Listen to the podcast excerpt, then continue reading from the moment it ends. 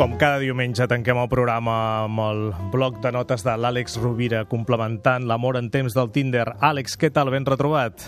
Molt bé, Gaspar, content d'estar aquí novament. Sí, hi ha una idea que ens ajuda a rodonir el programa d'avui.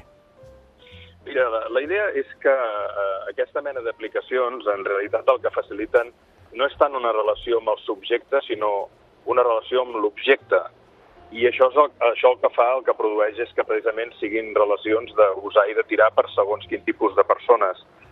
D'alguna manera podríem dir que no deixa de ser un aparador on alguns usuaris ho viuen com una relació amb un producte de gran consum, com aquell que va al supermercat, mira quelcom que li fa gràcia i si no li escau, doncs ho llença a la paperera.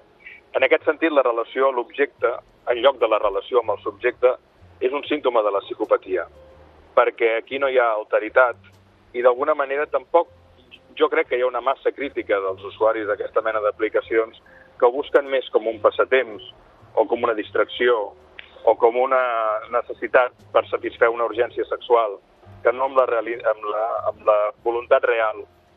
No dic tots, eh, segur que hi ha segments, però no amb la voluntat real de buscar una, una relació.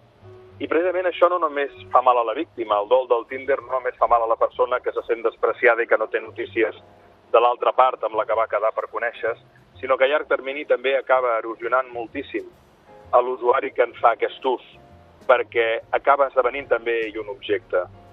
En aquest sentit, jo penso que caldria prendre consciència de que una relació es forja, literalment es forja, com es forja una cultura o com es forja una amistat, i que, i que si l'aproximació que es fa a l'eina és una aproximació purament consumista, els resultats no només són nocius per aquell que és despatxat, sinó per aquell que també desprecia. Àlex Rovira, moltíssimes gràcies per aquesta aportació que complementa el programa d'avui. Que tinguis molt bona setmana. Una forta abraçada.